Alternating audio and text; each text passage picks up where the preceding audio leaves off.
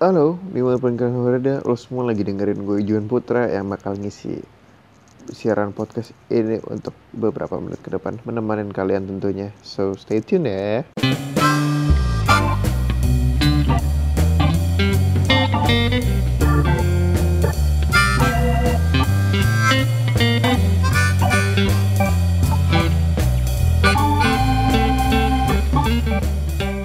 Anyway, uh, shout out dulu buat ini kayaknya nih nggak bukan tempat kopi sih, gue udah lama nggak tempat kopi. Tapi out, gue mau out buat uh, Snap Enjoy. Itu adalah uh, indus, bukan, bukan industri, tapi kayak uh, jasa uh, creative advertising lebih tepatnya. Ini nih gue kayak kayak adlib dulu nih bentar, cek itu. Snap Enjoy Jasa kreatif foto produk katalog mengabadikan foto-foto produk Anda menjadi sebu apa untuk meningkatkan upselling dalam persaingan uh, di digital gitu ya. Oke. Okay. Uh, so far saya PJ menawarkan foto uh, produk kreatif Dex dan foto produk dengan model. Jasanya terbagi uh, atas foto produk katalog, video produk untuk upselling iklan ya berarti, and then uh, Instagram Manager. Dan mayornya itu sih. Ya itu, itu gitu pokoknya. Oke okay, itu itu itu adalah tiga produk Snap Enjoy oke. Okay wow sudah lama sekali. Ah gue tuh selalu mulai dengan kayak wah sudah lama sekali ya gitu. Kayak men gue aja tuh nggak bisa konsisten gitu sama sama podcast ini. Terus kayak gimana gue mau konsisten sama hidup gue nggak deh gue konsis gue cukup konsisten dengan hidup gue cuma kalau untuk podcast ini I don't know kayak gue mulai kehabisan banyak topik gue nggak punya banyak concern. Um, gue, gue kayak akan pamer sedikit sih kayak kan finally gue punya pasangan gitu ya. And then uh, tiap kali gue punya keresahan gue punya topik gitu tuh kayak gue bahas bersama pasangan gue gitu pacar gitu. Dan abis gitu kayak mau diulangin lagi tapi kenapa kenapa jadi nggak keluar gitu? Tapi ya udah itu cukup menyenangkan sih gitu. Hmm, ngomong-ngomong oh. Ini gue langsung jamin tuh main topik banget. Uh, gue pengen nanya sama kalian gitu kayak lu tuh sebenarnya merasa risih gak sih dengan kehadiran uh, apa namanya ondel-ondel di jalanan? Yang lu tau kan ya ondel-ondel uh, apa namanya tuh yang ya udah jalan-jalan aja di pinggir jalan gitu. And then ya biasa ada anak-anak kecil gitu yang bawa ember mintain duit terus ada yang satu lagi bawa gerobak. Isinya itu uh, speaker gitu terus kayak suaranya uh, suaranya bisa suara tape atau ada orang lain yang main, main musik juga gitu. Kayak apa sih kayak semacam kayak semacam viola violin gitu tapi tapi beda beda beda. Apa ya kecapi ya eh apa sih yang digesek gitu kan digesek dia alat musiknya terus kayak mainin lagu-lagu tradisional atau kadang-kadang lagu-lagu dangdut gitu. Eh menurut gue itu cukup kalau yang dimainin kayak gitu cukup uh, apa namanya bisa main musik lah keren gitu. Tapi poinnya adalah lu, lu tuh pada merasa mengganggu gak sih dengan hadirnya itu gitu? Uh, eh, gue tuh gak tahu gitu faedahnya apa. Maksud gue itu kan mereka tujuannya adalah ngamen. Iya kan ngamen kan itu tuh ngamen tau. Nah tapi ngamennya tuh kayak menurut gue tuh gak ada poinnya gitu. Kayak lu nggak mem mem mempertunjukkan apa-apa sebuah atraksi juga bukan. Tapi lu kayak jatuhnya tuh ya cuma minta aja gitu. Kan lagunya kenceng banget ya. Lu lu bahkan kalau misalnya lu lagi ada di dalam uh, minimarket ya dan itu emang lagi ada mau, mau lewat gitu lu pasti tahu gitu kayak suaranya yang kayak gitu terus kayak wah oh, ini pasti mau ada ondel-ondel gitu. nah yang jadi masalahnya adalah apakah ini ada ada sebuah oknum yang bermain di belakang ya karena maksud gue uh, dari mana datangnya ide kayak oh, lu ingin ngamen tapi kayak eh kita nggak uh, ngamen aja deh gitu terus Enggak, gua gua gua membayangkan gitu per, apa kalau misalnya ini inisiatif dari orang-orang ya. Eh kita ngamen yuk gitu. Eh ngamen iya tapi gua nggak punya gitar gitu. Gua nggak punya gitar, terus kita mau ngamen gimana minta-minta gitu. Enggak, enggak, enggak. Kita beli ondel-ondel aja, terus kita beli gerobak sama sound systemnya gitu. Kayak wow, modal banget, Bro. ya, itu investasi yang bagus sih, tapi maksud gue sampai kapan gitu? Apakah lo termasuk orang-orang yang ngasih uang ke mereka? Wow, gue salut sih. Karena kayak baik lagi itu tuh nggak bisa dinikmatin gitu. Gue nggak tahu cara menikmatinya gimana. Karena mereka tuh cuma ya udah jalan aja gitu loh. Oh, terus kadang-kadang kan kalau malam-malam suka lu ngeliat itu diangkutin naik angkot kan terus kayak nah itu tuh itu tuh pertanyaannya gitu kayak mereka tuh datang dari mana jalan dari mana and then tuh kenapa pulangnya harus dijemput dengan angkot ya, kayak seolah ya kan gue gue tuh merasa itu pasti ada yang ada yang ada mafia di belakangnya gitu emang pekerjaan itu. Oke ngomong-ngomong soal odol-odol kenapa? Karena menurut gue itu tuh adalah sebuah uh, budaya gitu budaya betawi kan. Nah uh, maksud gue kenapa eh kalau misalnya budaya itu sendiri ada di di lingkungan masyarakat yang tujuannya untuk itu gitu ya itu tuh sebenarnya budayanya sendiri tuh ada di level apa sih gitu? Kayak cenderung kemunduran sih sebenarnya. Ya pokoknya ada di level itu tuh berarti nilai budaya ini tuh udah seberapa gitu. Oke mengenal tentang uh, budaya ondo-ondo ini dari Jakarta atau Betawi gitu. Ini tuh awalnya adalah uh, sebuah tradisi di mana uh, bertujuan untuk ngebuang sial gitu. Nah, which is tuh uh, acaranya tuh selalu digelar rame-rame ya kayak pesta rakyat gitu ya. Itu tuh setiap kali ada sunatan, ada mantenan, terus ada kegiatan-kegiatan lain lah yang warga Betawi gitu.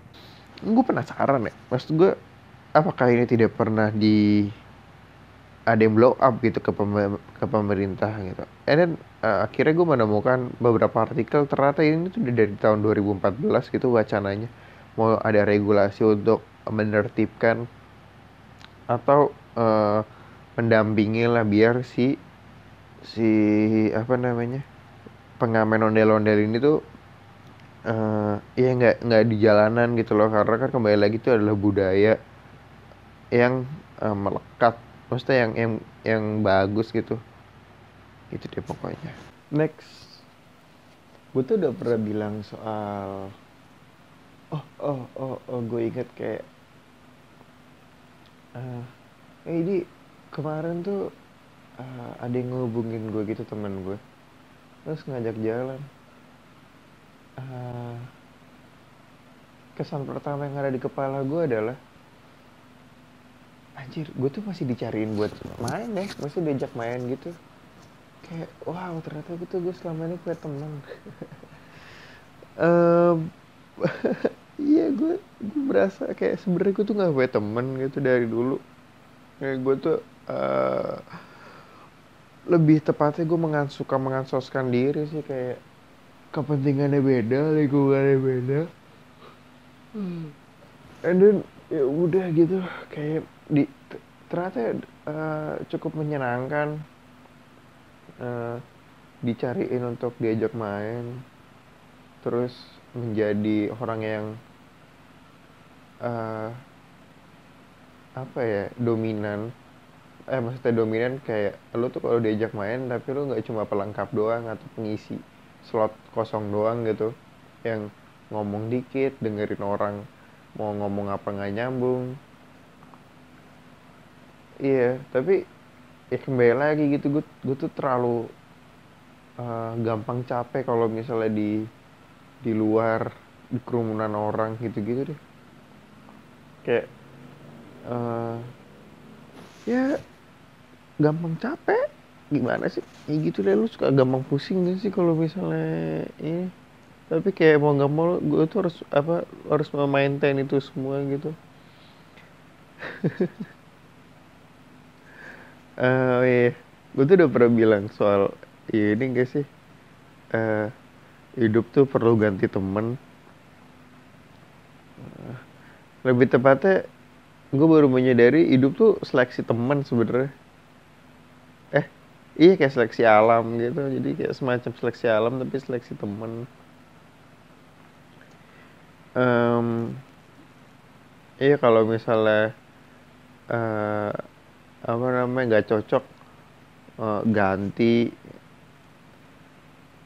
uh, maksud gue tapi gue ter ini loh gue tumbuh dengan kayak aja gue tuh udah gak punya teman terus kalau misalnya yang ini diganti tuh gimana gitu? Maksudnya kayak ah, udah temen gak punya sekali punya temen harus diganti.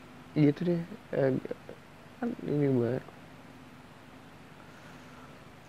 Tapi tapi ternyata itu hal yang wajar. Uh, karena nggak uh, semuanya bisa lo maintain. Maksudnya nggak semuanya apa ya uh, nggak semuanya bisa ngasilin hal yang positif juga gitu.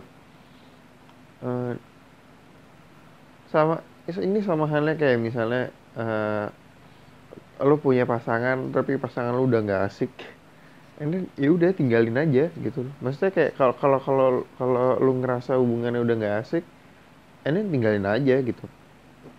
Apa yang mau dipertahanin? Apa? Apa? Uh, ya karena semua itu akhir berujung pada seleksi gitu. Kalau kalau misalnya lu tahan-tahan lu mempertahankan something yang lu sebenarnya nggak suka dan lu tapi ternyata lu nggak bisa bilang kan nggak enak juga nantinya. Terlalu jauh terlalu dalam tuh uh, akan menyengsarakan diri lu sendiri. Uh, which is gue gak ngerti sama orang yang uh, cewek sih. Cewek-cewek sekarang yang uh, sukanya sama fuckboy. Dan apa bedanya dengan bad boy karena gue hidup di di mana uh, era bad boy itu keren uh, dan gue tuh pernah pengen menjadi salah satu dari itu gitu. Dan karena gak berhasil. Cuma uh, istilah sekarang tuh uh, apa namanya? Jadi kayak jadi fuckboy yang yang menurut gue tuh nggak bisa disamakan. Oke okay, uh, eh, wait gue gue cari definisi fuckboy dan bad boy dulu ya. Oke. Okay, ini uh, pengertian bad boy dulu ya. Uh, bad boy selalu dekat dengan musik rock moge rokok bir nightclub dan tentu saja uh, identik dengan deretan wanita cakep cantik nampak menganti untuk menjadi kekasih bad boy saat diaplikasikan pada pria maka itu tidak berarti secara harfiah menandakan bahwa dia adalah orang yang jahat Konotasi nakal ini di sini lebih untuk mencirikan karakteristik petualang, keberanian dan semua aspek yang sangat maskulin. Itu, itu juga hal yang uh, bad boy yang gue tahu gitu kayak uh, cowok yang dingin, nggak banyak ngomong, ya gak sih? Sedangkan untuk fuckboy itu, eh, fuckboy uh, adalah sebutan untuk cowok-cowok yang berusaha mengambil hati seorang cewek lalu mengecewakannya, lalu minta maaf dan meraih cewek itu untuk melakukan hal yang memuaskan kemauan cowok yang sifatnya seksual. Itu kayak playboy. Tapi ya bak tapi uh, iya iya itu itu jelas definisi yang berbeda kan. Dan problemnya adalah sebenarnya yang lo suka itu adalah fuckboy atau bad boy karena pada ujungnya lo tuh sebenarnya nggak mau sama sama si fuckboy fuckboy ini. Uh, sedikit lebih banyak dengar teman-teman gua yang cewek tuh uh, ngerengek gitu loh kayak eh gue tuh kayak masih demen sama yang fuckboy fuckboy gitu deh. Gue tuh nggak suka sama yang eh, terlalu baik gini gini gini. Uh, iya nggak ada tantangannya men. Lu tuh lu yakin karena uh, the way dia bisa ngelakuin itu ke lu tuh dia bisa ngelakuin itu ke cewek lain gitu loh. Karena beda dengan bad boy gitu loh. Uh, bad boy itu ya udah dia itu pembawaannya kalem. Ini lo tuh tau kan kalau misalnya di di apa namanya di kumpulan cowok gitu yang lagi nongkrong gitu misalnya misalnya lo main datang ke sana terus ada satu yang yang uh, cuma ngerokok terus cuma diem ngeliatin tatapannya tajam. Lo ajak ngomong dia cuma kayak oh iya ha uh, uh iya kok nggak kok tanpa nanya balik. Tapi ujung-ujungnya dia kayak eh lu balik sama siapa? Oh lu mau bareng sama gue nggak kayak gitu tuh. Eh lu udah makan belum? Gitu doang udah tanpa basa-basi nggak ada nggak ada tujuan lain-lainnya. Dia, dia, dia, itu tuh itu tuh yang paling banyak digandrungi gitu pada zaman pada ya ya zaman gue gitu. Eh iya. Yang care tapi nggak begitu kelihatan care halus banget. Beda be- beda banget gitu kayak fuck, kalau fuckboy tuh jelas-jelas eh, terang-terangan. Iya aneh banget deh orang-orang sekarang. Mas gue Indian ya? Kalau lu misalnya lu eh, pacaran sama salah satu fuckboy ya lu tuh nanti akan diselingkuhin. Dan lu akan lari ke teman-teman lu dan bilang kayak dia tuh jahat banget gue tuh diselingkuhin. Fuck man. Lu tuh sebelumnya tadi lu yang minta gitu dan dan ketika lu dikasih kenyataan tuh lu malah nangis gitu ya. Ya gimana? Bisa? Ini tuh bisa bikin gue baper? Ah, ah, ah, ah. Udah gue mau baca ke ini aja. Langsung baca baca cerita orang aja. Wait wait wait wait. Oke kalau gue ceritain mungkin orangnya bilang palsu tapi itu yang terjadi. Gue lagi gak punya duit. Kalau gue punya duit nyokap.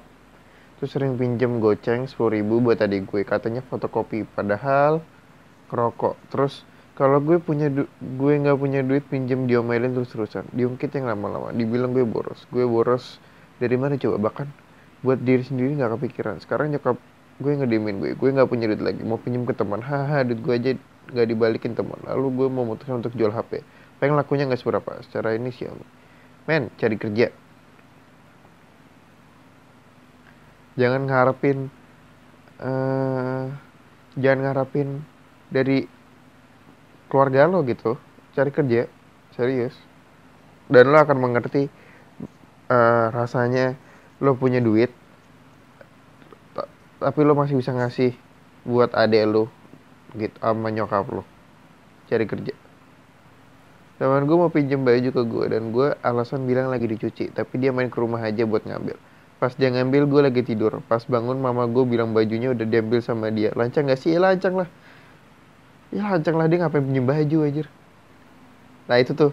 Itu gunanya lu ganti teman udah putus aja eh yaudah itu baju lu. Lu nggak usah minta baju lu cuma bilang kayak eh yaudah itu baju lu pegang aja udah. Tapi besok gak usah kenal sama gue lagi oke? Udah udah cukup men. Kalian gimana caranya nabung? Aku baru mencapai jumlah tertentu di masa itu pengen banget aku beliin HP atau laptop. Pengen gaya tapi sadar itu duit nabung bukan jatuh dari langit. Oh oke gue punya something yang eh yang baru gue lakukan gitu ya. Eh maybe ini bisa buat jadi insight juga sih kayak gimana caranya nabung. Eh gue prefer nabung di mana eh, ketika gue punya eh, penghasilan gitu dalam nominal tertentu. Jadi eh, nabung akan berasa banget. And then ketika lo pengen beli eh, barang dengan harga yang cukup lumayan ya lo harus punya uang minimal tiga kali lipatnya dari barang yang lo mau beli. Oke, misalnya lo pengen beli eh, di sini lo pengen beli HP, HP lo harganya eh HP HP sekarang berapa sih? 2 juta, dua setengah juta atau 3 juta. Nah, lo tuh harus kumpulin dulu sampai uang lo tuh 2 sampai 3 kali lipatnya, which is itu 5 sampai 6 juta. And then baru tuh lo beliin HP lo dan eh, di situ lo akan ngerasa lo tuh nggak lo nggak keluar duit sebanyak itu gitu. Karena lu masih punya spare untuk uh, lu hidup besok ya itu sih. Cobain deh. Itu itu uh, enak banget gitu. Lu nggak nggak merasa terbebani kasih tips and trick buat selingkuh dong. Capek gue di hubungan toxic tapi gak bisa lepas. Oke pertanyaannya ada. Oke. Yang paling krusial dari dari dari apa namanya Eh, tips and trick buat selingkuh adalah pasangannya yang buat selingkuh ada dulu nggak? Kalau nggak ada ya udah ngapain? Nggak usah lah. Eh putusin aja cowok lu. Eh, eh, buat apa dipertahanin? Eh, Lu deserve better.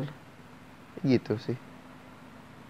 Oke, Aku perempuan usia 25 tahun, aku berasal dari keluarga pas-pasan. Aku bisa kuliah sampai sarjana karena beasiswa.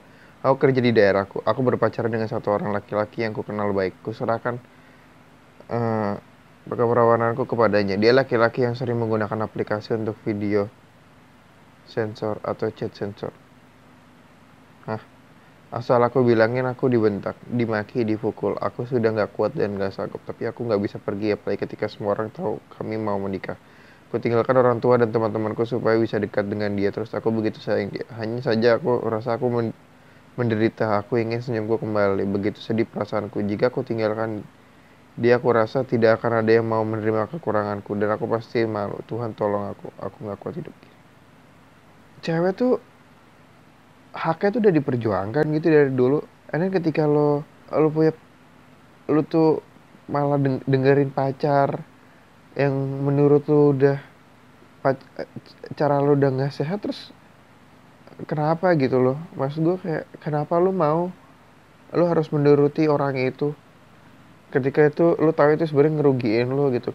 Kalau lo emang udah bisa hidup sendiri maksudnya kayak uh, iya lo udah 25 anggap aja lu udah kerja atau perlu bisa ngebiayain hidup lu sendiri lu nggak bergantung dengan orang lain dan lu nggak minjem duit cowok lu ya ya nggak ada yang berhak ngatur lu gitu loh. Iya sih. Iya gitu. Harus memilih melupakan atau tetap bertahan. Memang bodoh kalau aku bertahan tapi nggak tahu gimana lagi iya kalau kalau lu nggak suka-suka gini kalau hubungan lu udah nggak enak-enak berarti kenapa harus di ini penyebabnya apa? Lu penyebabnya itu uh, lu malas ketemu orang-orang baru malas kenalan dari awal malas mulai ya itu fase dari uh, hidup men. Mas gue uh, gue gue percaya hidup itu tentang siklus uh, yang yang lama itu mati yang baru akan tumbuh kembali gitu loh. Maksudnya ya itu seleksi alam seleksi pacar ya semuanya gitulah. Aku lagi pacaran ya baru sekitar dua minggu lah. Dia lebih muda daripada dari aku. Dia cowok yang bisa dibilang mantan cowok brengsek. Atau juga cowok brengsek yang lagi bermutasi menjadi cowok baik. Aku orangnya cuek tapi dia baperan. Dia cerita kenapa dia bisa jadi brengsek. Dia pacaran pas kelas 1 SMA dan pacarnya ngajakin hubungan. Tapi mereka putus karena cewek itu ketahuan selingkuh. Dan dia jadi punya banyak mantan dan semuanya hampir pernah dia mainin saat dia cerita di awal PDKT aku kaget. Iya aku yang selama ini pacaran paling lama tiga tahun gak pernah pegangan tangan ketemu cowok modelan kayak gini. Dia cerita apa adanya. Aku tuh, aku tuh kemarin habis di, aku tuh kemarin habis diselingkuhin. Aku kira dia cewek baik-baik. Aku tuh udah sayang sama dia. Tapi kamu kayaknya beda. Aku percaya sama kamu. Kamu mau gak sama? Enggak, enggak itu itu gue sendiri. Uh, dia cerita apa dan aku cukup respect sama dia. Dia pas umur lima tahun ditinggal meninggal uh, I'm sorry uh, meninggal ortu dan dia asuh di dia asuh nenek angkat sampai tamat SMA itu bikin aku respect dia nyaman sama dia.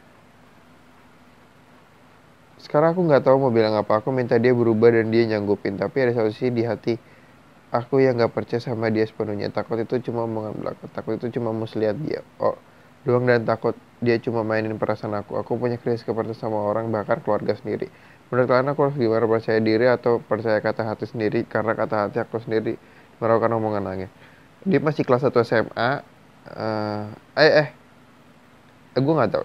Uh, dia beda. Dia beda berapa? Saran gue adalah kalau emang dia emang dia mau berubah ya, uh, dia tuh nggak nggak akan bilang gitu kalau berubah ya berubah aja ketika dia bilang mau berubah tapi dengan embel-embel ngebawa cerita masa lalu sih menurut gue tuh cari iba. Dan itu nggak apa namanya tujuannya nggak bener nggak nggak bener-bener berubah. Ada yang disembunyiin dari dia. Dan ya menurut gue tinggalin. Tinggalin aja yang kayak gitu gitu masih banyak cowok yang lain. Ya kan? Oke. Okay.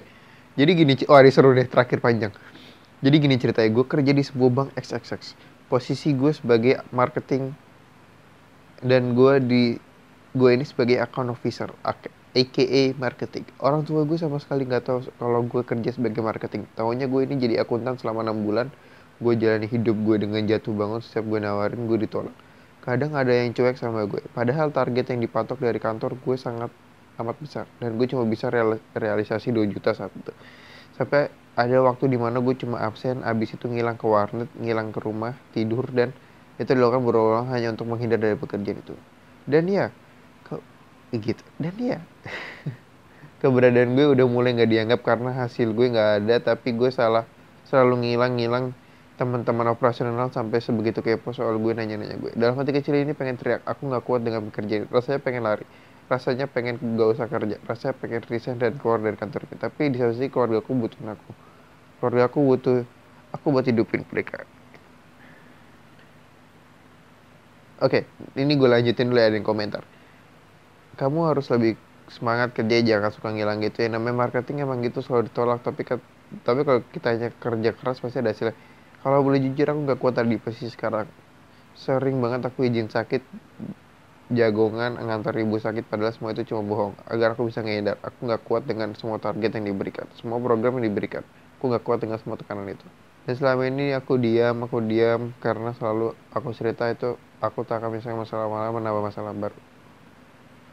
Men lu kalau bisa kayak gini ya daripada lu tidur tidur di luar sana ngehindar mending lu cari kerja. Lu lu ngeplay ngelamar sana sini and then uh, semakin cepat lo dapat kerjaan lain semakin cepat lo resign oke okay?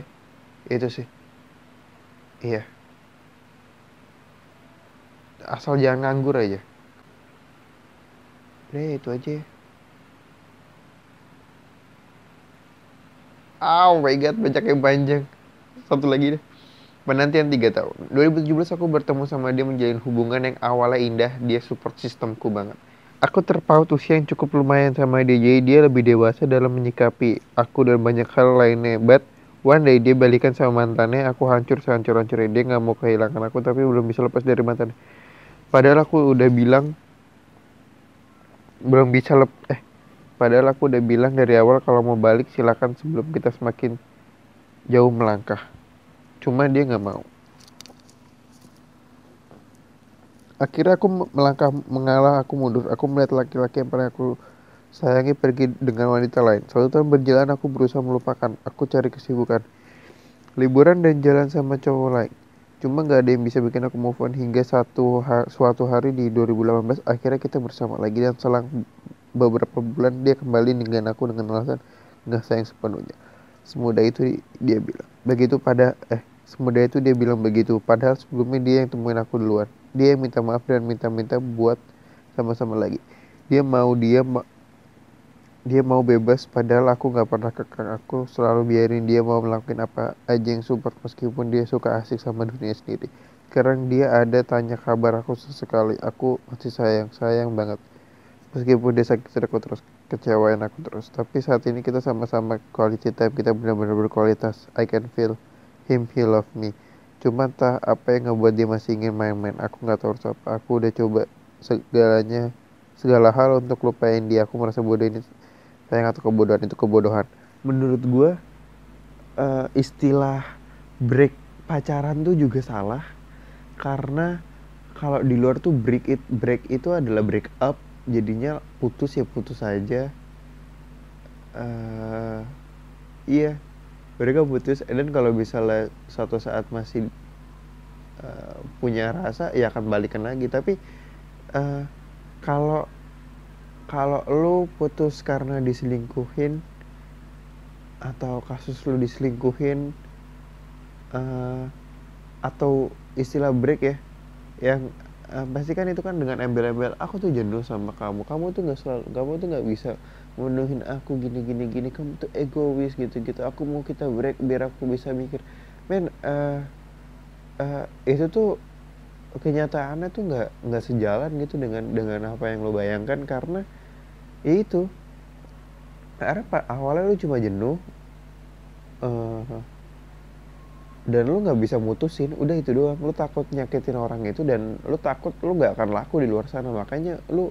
milih break gitu. And then ketika lu apa namanya uh, faktor kesepian itu datang uh, lu tuh pasti uh, lu akan meminta itu jadi sebuah hubungan lagi gitu. Dan ketika ada pemicunya yang bikin lo jenuh lagi bete ya lo akan minta break. Dan itu siklusnya gitu-gitu mulu. Untuk untuk lo yang mencintai ya lo sangat-sangat dipermainkan sebenarnya. Tapi ya ya gitu gitu daripada break ya udah udah sekalian. Jadi biar lo nggak terlalu lama menanti dan lo berharap besar ya gitu deh pokoknya. Ngerti kan? Udah ah eh eh uh, well uh, thank you web sorry kalau kalau uh, butuh waktu lama untuk ada episode baru uh, semoga ke depannya gue bisa uh, lebih konsisten di sini uh, ya yeah, gitu aja sih gue gak pengen basa-basi banyak uh, di mana pun kalian berada Uh, nama gue John Putra, pamit undur suara. Uh, selamat melakukan aktivitas kalian kembali dan bye-bye.